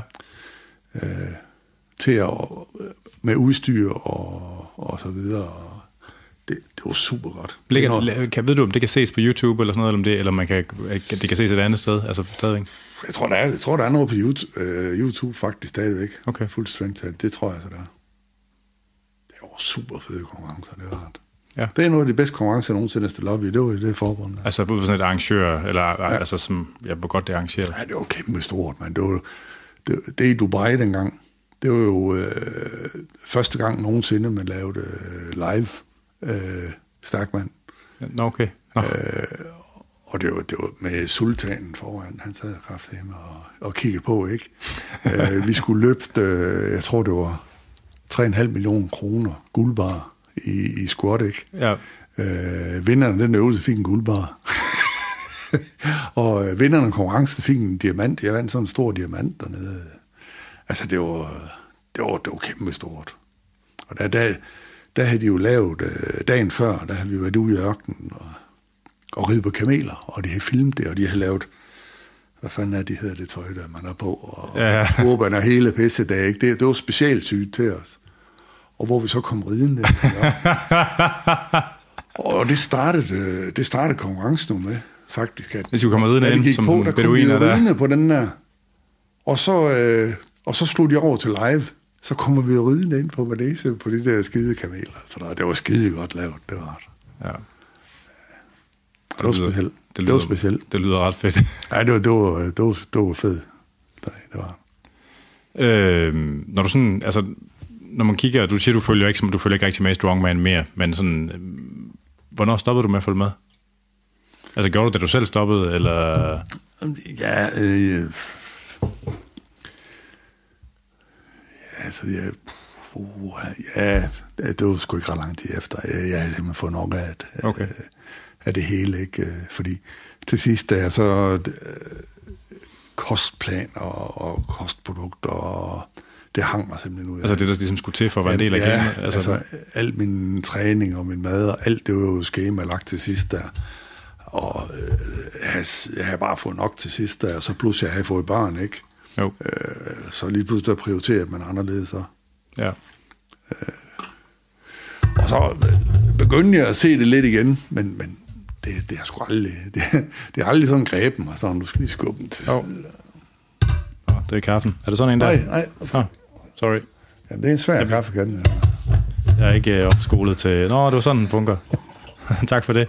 Nå, men det jeg egentlig i virkeligheden ville spørge til, det var jo, at der har, der har været sådan lidt en udvikling i, hvad for nogle discipliner, der bliver trukket til konkurrencer. Ikke? Og nu har der de seneste par år, så har der været et ret stort fokus på sådan en helt almindelig dødløft igen. Ja. Og øh, det her med altså circus dumbbells, øh, altså, eller, eller forskellige versioner af meget tunge håndvægte, og sådan, ja. øh, fylder ret meget i konkurrencerne igen. Øh, og noget af det handler sikkert også om den der Arnold Classic, øh, altså at det er sådan der, hvad, hvad, hvad, altså sådan, det er ligesom, at der er en drift i disciplinerne. Hvad tænker du om det? Eller sådan... Jamen i dag er det jo, det er jo monster, der vinder, ikke? Altså de er jo, Oh, yes. du skal jo helst være to meter høj og veje omkring 200 kilo, ikke? For du, Ja. altså, altså de der øvelser, det, det, var ikke, det, var ikke, øh, det var ikke det, vi stillede op i dengang. Nej. Men det er ligesom, at det er noget af, at, at, ligesom at, hvad kan man sige, sporten er jo i princippet kun udgjort af de øvelser, der indgår i den, og nu er det lige pludselig nogle, der er nogle, nogle, nogle nye øvelser, der fylder relativt meget. Ja, altså sådan, du, Altså, stå, så stor som muligt i dag, ikke? Øh, og, Ja. Altså, det er jo meget stillestående mig i dag. ja, Jeg synes noget af, at, der er, jeg kan huske, der var nogle år, inden vi, inden vi overhovedet fik lov til at stille op til, til konkurrencen, så blev vi jo testet af ledehold. Mm. Om vi kunne øh, holde til at være aktive i et minut, for eksempel. Og hvis det var sådan, altså på en cykel, eller... ja, op og ned nogle trapper, kunne okay. Du gøre det i et minut, øh, ellers så kunne du ikke få lov til at stille op i konkurrencen. Og, der var og, hvad, og hvad målte de? Om man fik A3 flimmer, ja, eller... Om, eller et eller andet. Ja, det, det var jo rej for, folk de ville falde døde om. Ja, Øh, og, og det ved jeg sgu ikke, om det gør i dag, men, men, men, men det, det kom, dengang der var jeg tilknyttet et lægehold. ja. Øh, hvis du vandt en øvelse, så blev du taget ud, og så, og så blev du faktisk testet. Både spyttest og pisprøve. Okay. I hvad for nogle konkurrencer? Til VM, Okay. det var der, der var jo kæmpe lægestab. Øh, du skulle, øh, inden du, inden du øh, hvis, jeg- når jeg vandt Danmarks Stærkeste for eksempel, så fik jeg, øh, så fik jeg en øh, e-mail fra, øh, fra arrangørerne, og så skulle jeg til min læge, så skulle jeg tage øh, blodprøve, så skulle jeg tage hjertekardiogram, og så skulle det sendes til England. Og hvis det var sådan, at lægestaben de godkendte det, så blev jeg inviteret med til VM. Men, men dopingtestede man til verdens stærkeste mand? Ikke om du... du- Nej, altså... Ja, du for det ville, have, det ville have fandme... Ja, det ville alligevel have undret mig, eller hvad man skal sige. Ja, altså nej, de testet for, øh, jeg tror de der spø, spytprøver og alt sådan noget, det var garanteret for, for jeg tror det var am- amfetamin og, Ja, det var- og sådan nogle ja, ting okay, der. Og, ja. øh, jeg, ved, jeg ved ikke, hvad de tester på en pisprøve. Ja, man kan jo teste for det meste. Det er Altså- jo bare, når man, altså, Altså, det, det havde rigtig, rigtig meget fokus på dem, for dem dengang. Og så, øh, altså, man har vil, altså det der med, at man sørger for, at folks hjerter er i orden, det er jo formentlig, fordi man vil ikke have nogen, der falder døde om i nej, en er fint. konkurrence. Ikke? Altså, Og, det, og det, det, det var der i hvert fald de, de første øh, tre gange, jeg var med. Og så lige pludselig så det væk. Så, så var det der ikke mere. Nej. Men altså den samme tid, nu skal jeg lige se, om jeg husker ret, altså men på det samme tidspunkt inden for bodybuilding, der var der jo nogle tilfælde med nogen, der faldt døde om til konkurrencer. Ja.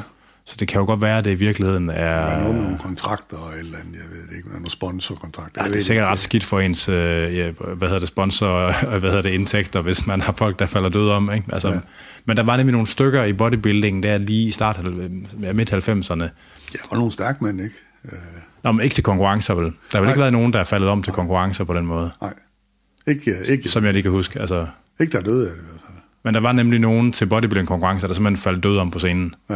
Og det er ikke godt for business. Altså, Nej. det, øh, Det kan være, det var for at komme sådan noget i forkøbet eller eller andet. fordi det kunne sagtens være altså, inspiration, eller hvad kan man sige, eller ikke, hvad fanden hedder det? Altså, det er i hvert fald, der er i hvert fald sammenfald i tid, at det går på grund af det, at, man, at derfor man har gjort det, ikke? Ja. Øh, men har du, har du nogensinde prøvet sådan en, de der sådan en Sir, Thomas Sir håndball, dumbbell, de der ty, altså, hvad fanden er den, vejer 75 kilo, Nej. og som sådan et øh, 2,5 tommes, eller 3 tommes håndtag, eller hvad det er. Jeg ville gerne, det tror jeg faktisk, jeg var bedst god til. Øh, altså alle presøvelser, det var, det, var, det var jeg sgu god til. Øh, men det kom først bagefter. Okay. Det var det. Hvad for nogle sten har du øh, løftet? Øh, runden, firkantet. Nå, med sådan Husafeld og McGlashen og Denny Stones, ja. og... Øh, Ja, helt lortet. Og du har, du har prøvet, prøvet Denny Stones også? Ja, det ved jeg ikke, hvad det er. Det er to, sådan to sten, hvor, som der i alt vejer 300 og et eller andet kilo, Nej, som der er håndtag i. Nej. Nogle forpulede, sådan nogle tynde, øh, skarp jernhåndtag. Nej, det er ikke godt. Og så i den oprindelige version, der skulle man vist nok bære dem over en bro, eller sådan et eller andet. Nå, Nej, det har aldrig prøvet. Det, er- det har også været efter mig, Øhm, det har holdt. Der, der var to typer sten. Der var jo de der Atlas-sten, Ja, og så var ja. der Maglasian Stone. ja, Og de der, de der Maglasian Stone, det, det, det, det, er jo, det er jo på grund af, det er en historie fra... Øh, det er en bestemt sten, det henviser til. Ikke? nej, det er de rundsten. Det, det, det, er, det er faktisk en skotte, Ja. som, øh, som havde en bro over. Og han hed McGlashan, åbenbart. Og så når han havde gæster, og de fik lidt, øh, lidt øh, mjøde, eller hvad fanden de drak bag, ikke? Så havde han, så havde han sådan en sten, som, øh, hvor de havde en konkurrence med, så jeg kunne tage den der sten, og så gå over broen, og så tilbage igen. Ja, og den, den kaldte de McGlashan-stenen. Og hvis det var sådan, at hans gæster ikke gjorde det, så kunne hans datter gøre det. Øh, det, det, er sådan lidt, øh, det var sådan lidt historie med den der ja. McGlashan stående gang. Husafald, den skulle man bære rundt om et gære, hvis der oprindeligt, ikke? Nej, øh, Husafældsten, det, det var bare så langt som muligt. Og den, den var altid formen sådan lidt, man kunne få i den. Der ligner sådan en kiste lidt. Altså sådan, øh... Ja, det kom det til. Altså, ja, for, det... Fordi at du, du faktisk kan få lidt bedre vind der. Men det var jo en oprindelig, oprindelig. Altså, der var en husafældsten oprindelig, ikke? Jo. Som findes stadigvæk. Som, altså... det, ja, det tror jeg. Det var garanteret den. Men, men jeg mener altså, at den oprindelige version, der hvor den lå, altså at den måde, man testede styrke med den denne gang, ja. at det var, at man skulle gå rundt om sådan et gære, sådan en stengære, okay, hvor man skulle ja. gå ikke, altså så langt, mange gange rundt om det. Så Nå, det er godt ske. Det, det, det, er ikke hørt. Det er ikke hørt. Der er jo sådan nogle løftesten nede på stranden der i Island. Dem, hvor man har brugt, altså der er jo... Øh, hvad fanden er det, de hedder? Det kan jeg ikke huske. Men der, der har ligesom været sådan tre eller fire løftesten. Så historien med, med de islandske løftesten har jo været noget med, at at øh, hvad for en af stenene man kunne løfte, kom til at afgøre, hvad for, hvor stor en del af en, øh, hvor stor en andel af omsætningen fra en fisketur man kunne få adgang til. Nå. Så kunne man få halvstærkur eller fuldstærkur. Så hvis man kunne løfte en stor sten fuldstærkur, så fik man ligesom en hel mands øh, plads. Ikke? Altså bare med den historie, så er det ikke underligt at komme nogle gode stærkmænd derfra. nej, nej. Men jeg synes, at det der med løftesten er jo sådan en fascinerende øh, ting, fordi de findes på Færøerne, de findes på Island. Der, der er en enkelt dansk løftesten, jeg kender til. Nu kan jeg ikke huske, hvad fanden den hedder. Nå. Et eller andet sted på Sjælland, hvor der er historie om, at det, den har været brugt til sådan nogle manddomsprøver dengang. Okay. Og det er en ting i Indien, og det er en ting i Japan også. Så det er ligesom, der er sådan en, altså der er sådan en ret stor sådan, det er noget, som folk har fundet på, at det er nice at løfte sten rundt mange forskellige steder ja, i verden samtidig. Jeg elsker det simpelthen. Det gør jeg. Man skulle lave sådan en, man skulle lave sådan en tur rundt til Skotland og Færøerne og Island, hvor man drak whisky og skulle løfte på sten. Ja, hvor for... fanden er det ikke nogen, der har fundet på det? jeg, jeg elskede faktisk at løfte på, på altså også natursten, både som læseøvelse og overhovedet. Ja. Det, det, det var, det var jeg sgu god nok til. Det ser bare så sindssygt ud, folk, og når folk skal løfte natursten over hovedet. Altså, ja. det, uh, jeg har ikke prøvet det med natursten over hovedet. Det har jeg ikke prøvet. Jeg har kun med, altså, hvor, altså, hvor de var lidt kantet, ikke? Ja, ja. Og jeg kan huske dengang, hvor det, jeg kan huske, det var med til Danmarks stærkeste et år, og vi har sgu aldrig prøvet det. Så vi kørte over til, øh, det, var, det var i Silkeborg, der, der var en, der lavede øh, gravsten. og, og, og der ligger der havde hun jo stenene, de lå ude på en mark, de der rå sten altså. Ja. Og så sagde jeg, kan, kan vi ikke få lov til, jo, bare vi ikke ødelage dem. Så der gik vi ned, og så trænede vi det, og så prøvede vi, det var jo alle størrelser og former og så videre. Ja. Øh, det, det, var, det var første gang, jeg prøvede det. Jeg tror, det var det endte med, at vi købte nogen over ved hende også, faktisk. Okay. Øh, Hvad er den tungeste sten, du har taget sådan til bryst eller skulder? Jeg, jeg lavede, dengang der lavede jeg, jeg lavede en verdensrekord, det er 140 kilo, som jeg løftede over hovedet, faktisk. Okay. Øh, og det var en verdensrekord dengang. Der havde de, kan det passe, de har løftet 135 til, til, til VM, tror jeg. Det går der, der lavede den, at det var, det var med noget radio, noget, der var nogle arrangementer nede i byen og alt sådan noget. Så sagde de, kan du ikke komme? Og, jo, sagde jeg så. Jeg kom ned til den verdensrekord, det der. Sjovt. Ja, og det, det gør jeg så. ja. Der er jo, øh, hvad fanden det hedder, der er kommet sådan en polak, som er sindssygt god til sten. Den var jo, de havde et event på Arnold Classic, ja. Hvor at man skulle, øh, hvad fanden var det, det var en 400 pund sten, ikke? så 182 kilo. Ja. Jeg, kunne ikke, jeg tror, man skulle have den på skulder. Man skulle til, den skulle til skulder, ja, hvor man ja. skulle have den anden hånd fri. Ikke? Så man skulle, øh, altså man skulle stabilisere den på skulderen, og så skulle man ja. gøre det for reps på, ja, på 90 sekunder. Ja. Og jeg tror, halvdelen af dem, de fik 0. Og ja. så var der nogen, så den anden halvdel fik en, og så lavede han tre eller fire gentagelser. Han har simpelthen sådan et talent, når det kommer til naturstagen. Okay. Det er helt vildt. Jeg kan ikke huske, hvad fanden det han hedder. Jeg har jo ikke set god til, når, når de bliver for tunge. Nå. Men der op til 150 og 60 og maks 170, og der kunne jeg godt være med. Men det var, faktisk, det var også der omkring det lå dengang. Ja, ja, ja. Fordi det, det, det hele det er jo eksploderet. Altså, ja, ja. Dengang der var det jo på tid, ikke? Der var det jo, var det 110, 120, 130, 140, 150. Ja. Altså fem sten ja. i en meter og 20. Ikke? Altså, det var, ja. Det var det, man gjorde dengang. Ja. Der, jeg tror, jeg havde 11 sekunder at gøre på. Ja. Og det er fanden fløj med Det er der sgu mange, der ikke kan gøre i dag. Ah, nej. Men sådan, da, da, da, da, du, da, da du, skulle- du, du skulle til ligesom at skrue ned for sådan sportslivet, altså hvordan, øh, altså var det sådan helt almindelig, øh, hvad kan man sige, lever på stejs danske betragtninger, om nu skal man til at passe sin øh, familie, eller var det fordi du blev utilfreds med nepotisme i sporten, eller... Ja, nej, nej, det var det egentlig ikke. Øh, fordi at, at, at øh, jeg havde jo tilbud nok, sådan set. Altså, jeg valgte jo bare, altså, jeg valgte jo, VM, det valgte jeg jo selv fra. Okay. Øh, fordi at, og så, og så blev jeg ringet op, faktisk. Men hvorfor valgte du det fra? Hvad? Hvorfor? Jamen, det er på grund af den måde, vi blev behandlet på Okay. i, i Marokko. Ja. Øh, det, er- det var faktisk... Øh, det, det- fik så lidt et øgenavn, ikke, på et tidspunkt i de år der, hvor at, i stedet for World's Strongest Man, så kaldte de det Worst Strong Man. Ja. Jeg tror endda, det var Magnus, der fandt, der fandt på det dengang. Øh, så der var faktisk, vi, altså vi, gad, vi ville ikke stille op der. Magnus ville heller ikke stille op der. Øh, Heinz Solvik ville heller ikke stille op. Rico Kige ville heller ikke stille op. Men de endte med at stille op, gjorde de ikke de fleste af dem? Nej, de stillede op i Full Strength Challenge det år. Så, så det, for et år er det? Øh, det er 99. Okay. Ja, Så hvem, hvem stillede op i så i den, øh, øh, altså den anden World's Strongest Man? Hvem vandt der, kan du huske det? øh, åh, I 99, det, det gjorde Erhola. Okay. Ja. Så. det, det, der blev det sgu lidt ødelagt dengang. Ja. Og, og vi blev ringet op, og, så, og de blev faktisk, vi blev ringet op, og det var så Jamie Reeves, der ringede til mig dengang. Ja. Og han sagde, hvis du stiller op der, så er du bandlyst til VM. Og så sagde jeg bare til ham, det vil jeg skide på. Så Siger jeg, den måde, som vi behandler os på, som jeg sgu ikke behandle. Så jeg vil ikke bruge øh, et helt år, og, og være målrettet et helt år. Og så kan, I, altså, så kan I ikke engang finde ud af at give os noget morgenmad. Altså, altså prøve et lokal pizzeria fra Marokko og bananer. Altså, come on. Det er sgu ikke okay, synes jeg ikke. Nej. Men altså, det fejler jo ikke noget der. Altså, de hoteller, som de boede på. Øh, TV-holdene og nu skal man passe på, hvad, hvad man siger, men dem, som øh, der måske, de snakker så godt med. Altså, ja. det var lidt mærkeligt, at vi blev, det var nogle bestemte personer, der blev puttet ud Ja. på de der hoteller der. Altså, du er ikke mand på, på 200 kilo, der skal performe, ikke? Du kan ikke lægge til dem på syvende sal, og, altså, uden elevator, altså. Og lade være med at give ham noget at spise. Altså, det kan du ikke for fanden. Altså, det er jo ædemaskiner, der kommer til sådan noget der, ikke? Ja. Der skal altså nogle kalorier af. Ja. Men, men så det var 98. 98, ja. ja. Men der gik nogle år, for du sådan stoppede helt alligevel, ikke? Altså, så de år, der... Altså, hvor du sagde du ikke det sidste, det var i 2003 eller sådan noget? Jo, øh, der, jeg, jeg blev så tilbudt at komme med sammen med Magnus og de andre der i 99. Ja. Og, øh, og det sprang jeg til med det samme.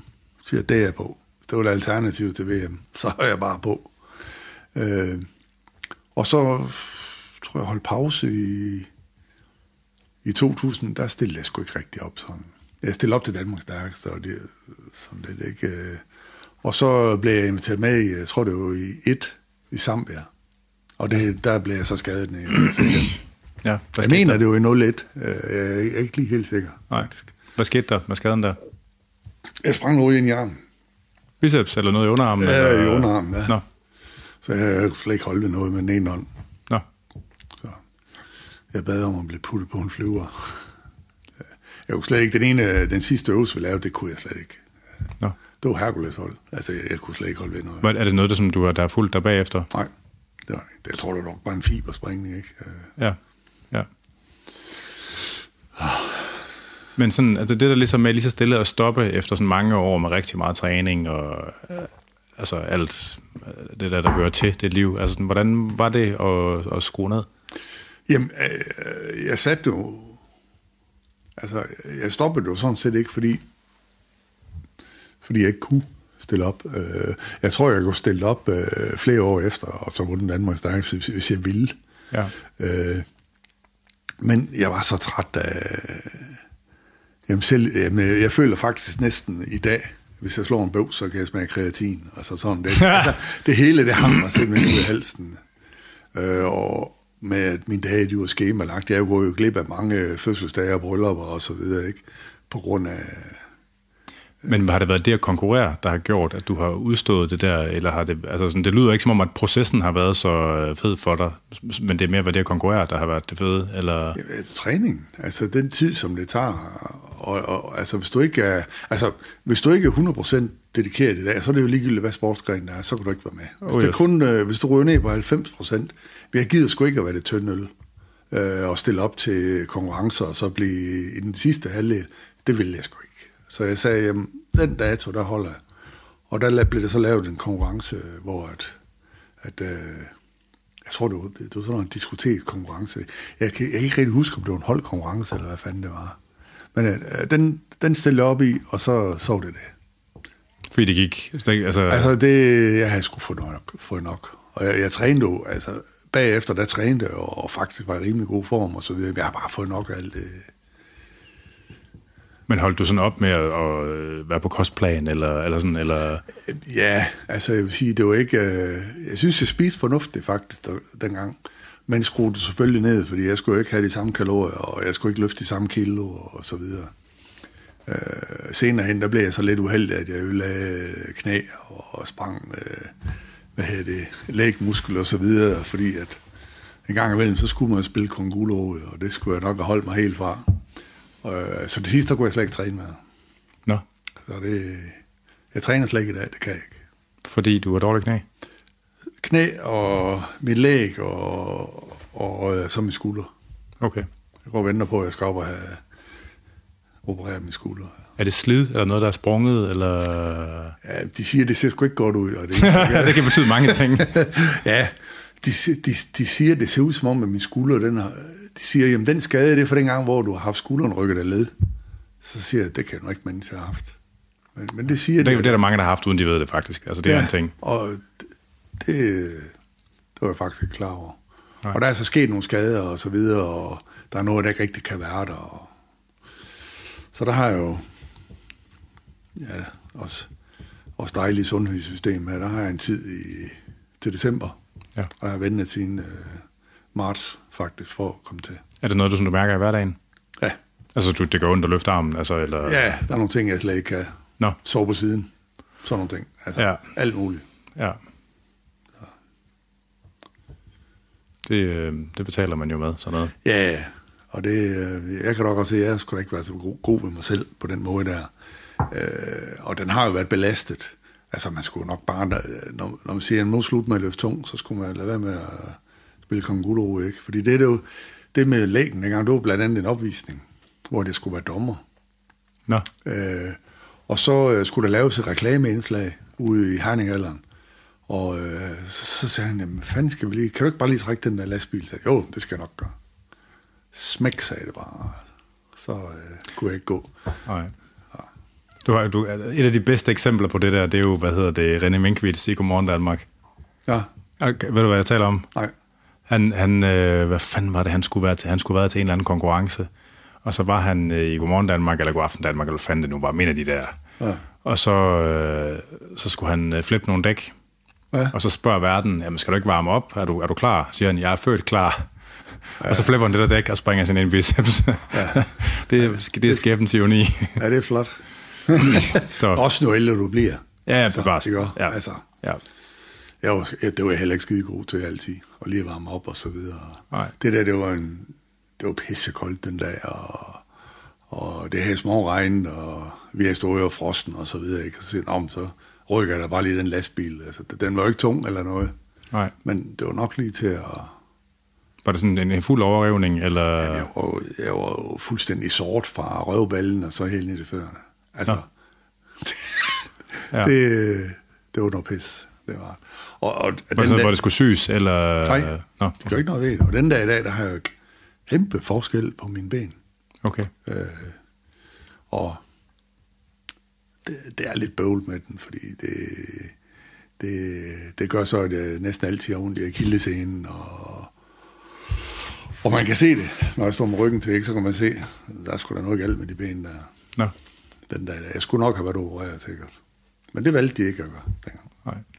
Sådan er det. Hvad for en oplevelse synes du altså sådan, står mest ud sådan i dit i stærkmandslivet? Altså når du tænker sådan tilbage på altså sådan stærkmandslivet? Hvad, hvad, hvad for en ting strider sådan mest i hukommelsen? Øh,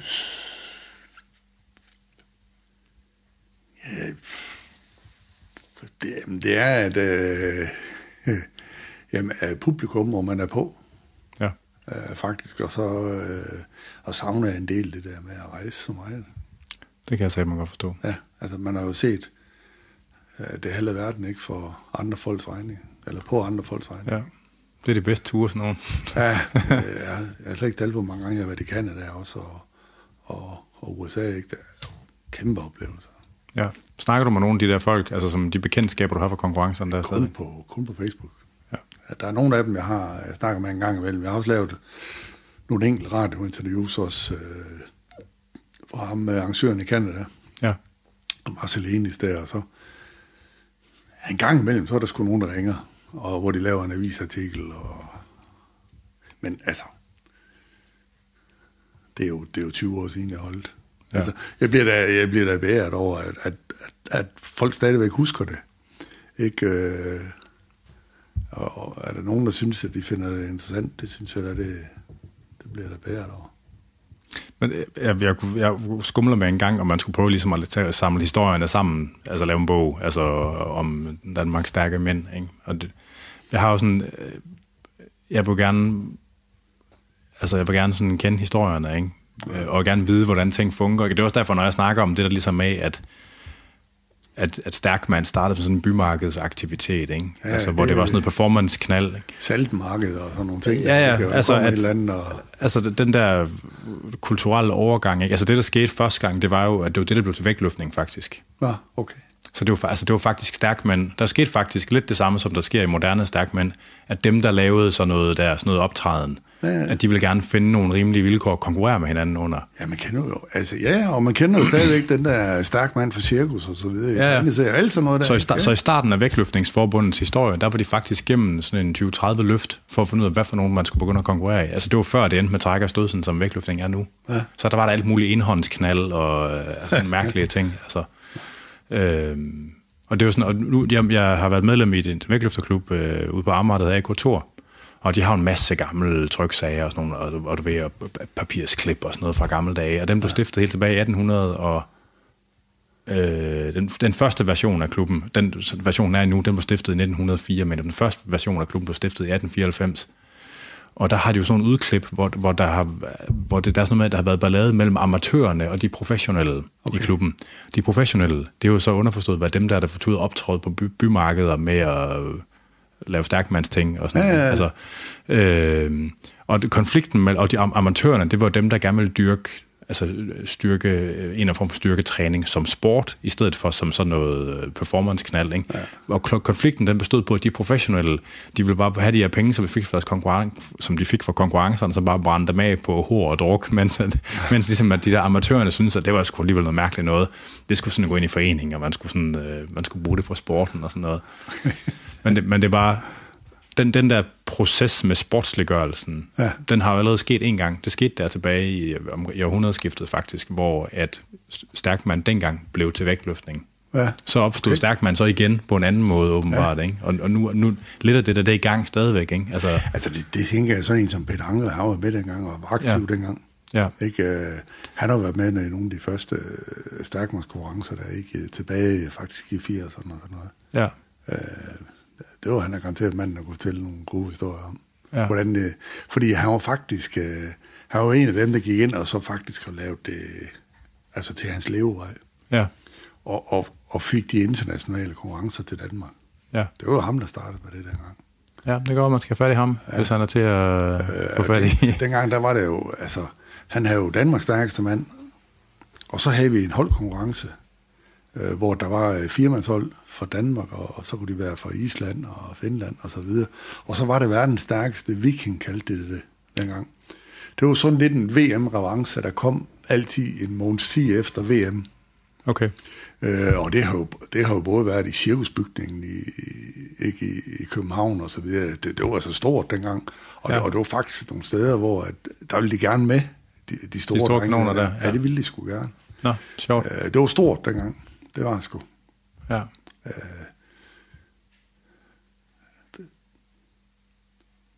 Det, og det var ham, der stod for alt det dengang. Altså, dengang, der, jeg kan ikke se, at, at, at, at Stakman nogensinde har været større, end dengang, da han var arrangør, og det var ham, der stod for det. Der blev det virkelig øh, professionaliseret dengang. Ja. Øh, og han forstod virkelig at få folk til, selv folk fra New Zealand kom og stille op dengang i Danmark. Altså en af konkurrencerne, der har der jo været tre tidligere verdens stærkeste mand, plus den regerende, og så videre, ikke? Det er så... Ja. Det var, det var noget ved dengang. Det var. Ja. Og det var dengang, hvor det var så hot i fjernsynet, Ja. at du kunne se det flere gange om året. Ikke? Så døde det lidt, og nu er det så ved at komme frem igen med YouTube og sociale medier og sådan Så noget. det døde i 1997, da Bjørn Ries, han, øh, hvad hedder det dengang, alt det der dopingskandale. dengang. ja. ja. Dengang den dopingskandale, den, den, den uh, væltede i 1997. Der er der sat en masse folk med slips og habit på over i København, og sagt, at de er nødt til at gøre et eller andet for at holde øh, ansigtet ud af til, og der blev Stærkman en af dem, der fik kniven. Ja. Det sluttede der. Ja. Historien siger noget med, at man vil indføre dopingtest til selve konkurrencen. Altså, og så øh, kunne det ikke afvikles eller sådan noget. Men jeg ved ikke, om det passer. Altså, det er bare Nej, en, nej, det ved jeg ikke. Det ved Nej. jeg ikke. nej. Det ved. Når, når nu øh, du har, sådan, øh, du har haft øh, nogle usædvanlige forudsætninger for at blive rigtig stærk, altså at starte stærkere end gennemsnittet, og, og kunne blive endnu stærkere. Er der nogen af, du, nu, nu har du børn, er der nogen af dem, der har øh, arvet, der har fået en rem af huden? Øh, ej, jeg vil sige, min ene søn, han har min knoglebygning. Ja. og øh, nej, jeg, jeg vil, øh, nej, altså jeg vil overhovedet ikke, øh, jeg vil overhovedet ikke råde dem til det. det, det jeg synes, det er en, det er en, det er en tof verden. Øh, hvis det er sådan, at du ikke, øh, hvis du er en dårlig taber, ligesom jeg, jeg kunne simpelthen, altså, jeg, kunne- jeg kunne ikke tåle at tabe. Vi kan ikke spille Ludo, medmindre jeg vil vinde. Og jeg, og jeg bliver øh, rasende, hvis jeg ikke vinder. Seriøst? Ja, øh, og, og, og det er jo en af grundene til, at jeg stoppede igen. Ikke? Altså, jeg havde jo en, øh, en god ven også, som jeg trænede sammen med på et tidspunkt. Dengang jeg stoppede som stærkmand, der blev han, øh, der blev han nummer to til Danmarks stærkeste. ja. Og han ringte til mig, ham og hans kæreste der, fordi altså, han var stolt, og så videre, ikke? Og øh, altså, og der blev han jo lidt sur på mig, fordi jeg sagde, altså min kommentar, det var, jamen altså, det var jo synd, så må du bare prøve igen næste år. ikke også? Fordi, altså i min verden, der fandt der ikke andet end at blive nummer et.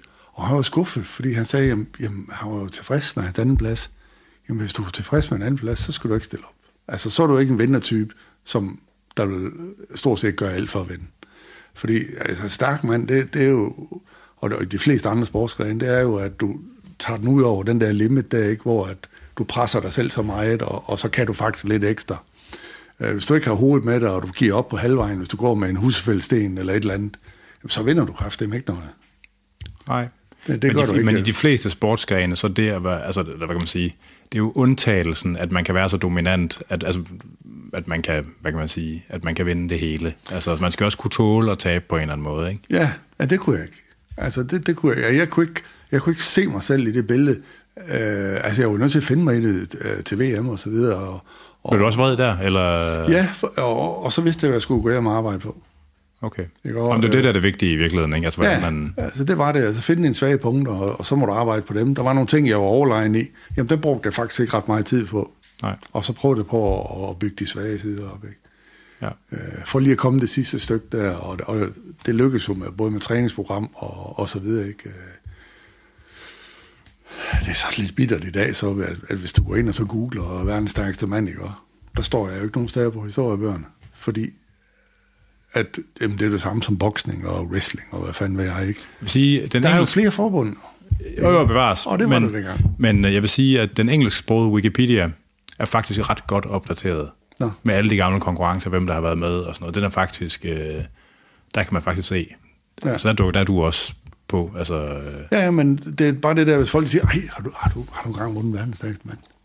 Jamen, det har jeg jo. Jeg vandt jo øh, og fik trofæet med verdens stærkeste mand og så videre. Men det er jo bare ikke et forbund, der overlevede. nej, Desværre ikke. nej. Ja. Er du bitter over det egentlig? Altså, Nej, jeg er måske bitter over, at jeg måske ikke har været... Øh, måske lige en tand mere seriøs med, med de øvelser, hvor jeg faktisk lavede fejl i. ja. Ikke? også? Altså, at du kan, du kan tabe et verdens stærkeste øh, på grund af en øvelse, du ikke måske har prøvet så mange gange. Ja. Øh, og det er igen det der, jamen altså, jeg er jo ikke øh, professionel, når jeg har været på arbejde i syv og en halv time, ikke? Øh, stået på en eller anden fabrik, jamen så øh, kørte jeg jo direkte i motionscenteret, og så skulle jeg jo træne, inden jeg skulle hjem og spise, ikke? Ja. Altså sådan nogle ting, der jeg har ikke de samme forudsætninger på at, at arbejde 100 procent.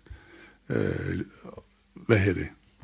Men det, der, men det der ligesom, altså nogle af de der fejl, for eksempel, at, hvad ved jeg, man står måske for bredt, når man forsøger at tage en yoke, så det første skridt, der bliver meget svært at tage, Ja, eller, ja. eller der smutter en sæk ned af et plateau, man skal lægge den op på, på en øvelse, hvor man gør det for tid, så der ryger to placeringer, og, og Altså, jeg lavede, jeg lavede, i 97, der lavede jeg to fejl. Jeg, lavede, øh, jeg hørte ikke efter, hvad han sagde om mig, da han underkendte et løft Nå. mig.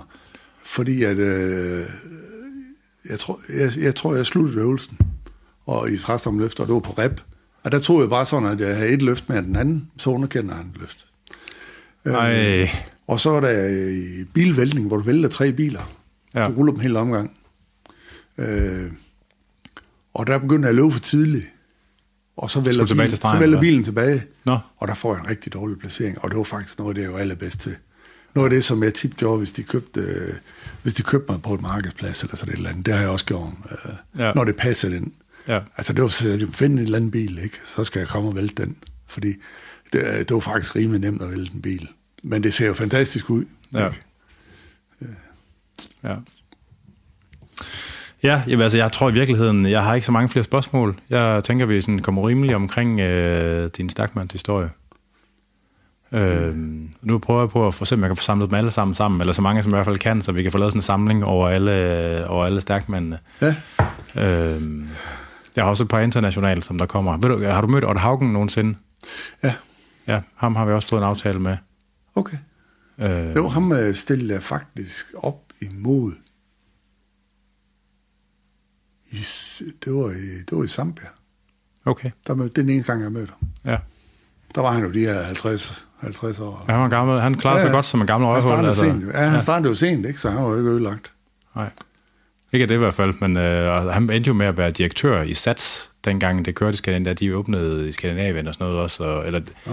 i forbindelse med, der var noget med, de blev købt af en anden virksomhed. Han var direktør i SATS Skandinavien, altså så var en del af sådan hele, altså af, Nå. det var en kæmpe mm, bæks dengang. Ja, det var godt se. Jamen, 2000. Han var, han var oprindelig nordmand, ja, ikke? Ja, han er nordmand, ja. ja. Men jeg tror, han boede i USA. Altså flyttede han tilbage til Norge der i 2001, tror jeg nok. Ja. Og var, var der i en 3-4 år, mens han var direktør i SATS, og så ja. rykker han tilbage til USA igen bagefter. Han har drevet fitnesscenter på Hawaii. Han har haft, en, han har haft et franchise for uh, Goals eller Ham og World GymIls, eller ham, sådan har noget. jeg snakket, ham snakkede jeg lidt med dengang. Der. Ja. Ja, der stillede op i samme gruppe som ham. Ja, faktisk, okay. ikke? Ja, Eller, ja, det var i Zambia. ja.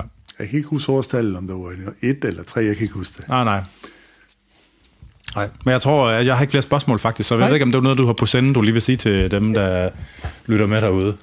Nej, ikke sådan rigtigt. Nej. Ikke sådan rigtigt. Øh, og jeg vil sige, at jeg er da glad for, at øh, man bliver husket efter så mange år. Ja, ja, men det, øh, jeg husker det også som en gylden tid egentlig. Ja, det var det. Det, og det, altså, jeg er svært at vide for mit eget vedkommende, det er fordi, jamen, det var fordi, jeg var teenager, og det var sådan, åh, altså, det var jo, altså det, dengang der var det jo størst i Danmark. Ja. Altså det, vi var på fjernsyn, og de, alt hvad vi gjorde, det, der kom det jo op to. Ja, jeg sad og så de der Hercules-konkurrencer sammen med min far i fjerneren der, det var, Ja, det var det er jeg tror, at den har den bedste statistik nogensinde til Hercules. Jeg stillede ja. op en gang og vandt en gang. One for one. ja, hvad hedder det? Øh, jamen, jeg har ikke så meget mere, så, øh, så øh, vil du lige, hvad hedder det, ja, sige farvel til lytterne og med fuld navn, og kan man, vil du have det med nogle steder, man følger med, hvad du laver, så, så, det så kan du også sige det. Altså, Nå, ja, altså, jeg laver ikke rigtig noget. Jeg går og passer mit arbejde, og min hund, og min øh, kæreste, og, og så videre, ikke? Øh, Og jeg bare sige tak til alle dem, som øh, faktisk bakkede op omkring dengang, og, og som der husker mig. Øh, når man kommer rundt omkring i landet, så bliver man altid øh, taget godt imod. Og det skal ja. de have tak for dengang. fedt. Jeg er super glad for, at vi kunne lov til at komme og stikke mikrofoner øh, Du er i hovedet på dig. Så det var det for i dag. Du har lyttet til Fitness MK derude. Jeg hedder Anders Nedergaard, og du kan lytte med til den her og de andre episoder af Fitness MK på stream og podcast. Og de kan streames inden fra andersnedergaard.dk eller fra vores host Omni, og de kan podcastes fra alle de store podcasttjenester. Programmet er produceret af Jonas Pedersen. Man kan stadigvæk skrive ind, og det er stadigvæk på afn eller på programmets Facebook-side eller Instagram, der begge to hedder Fitness MK.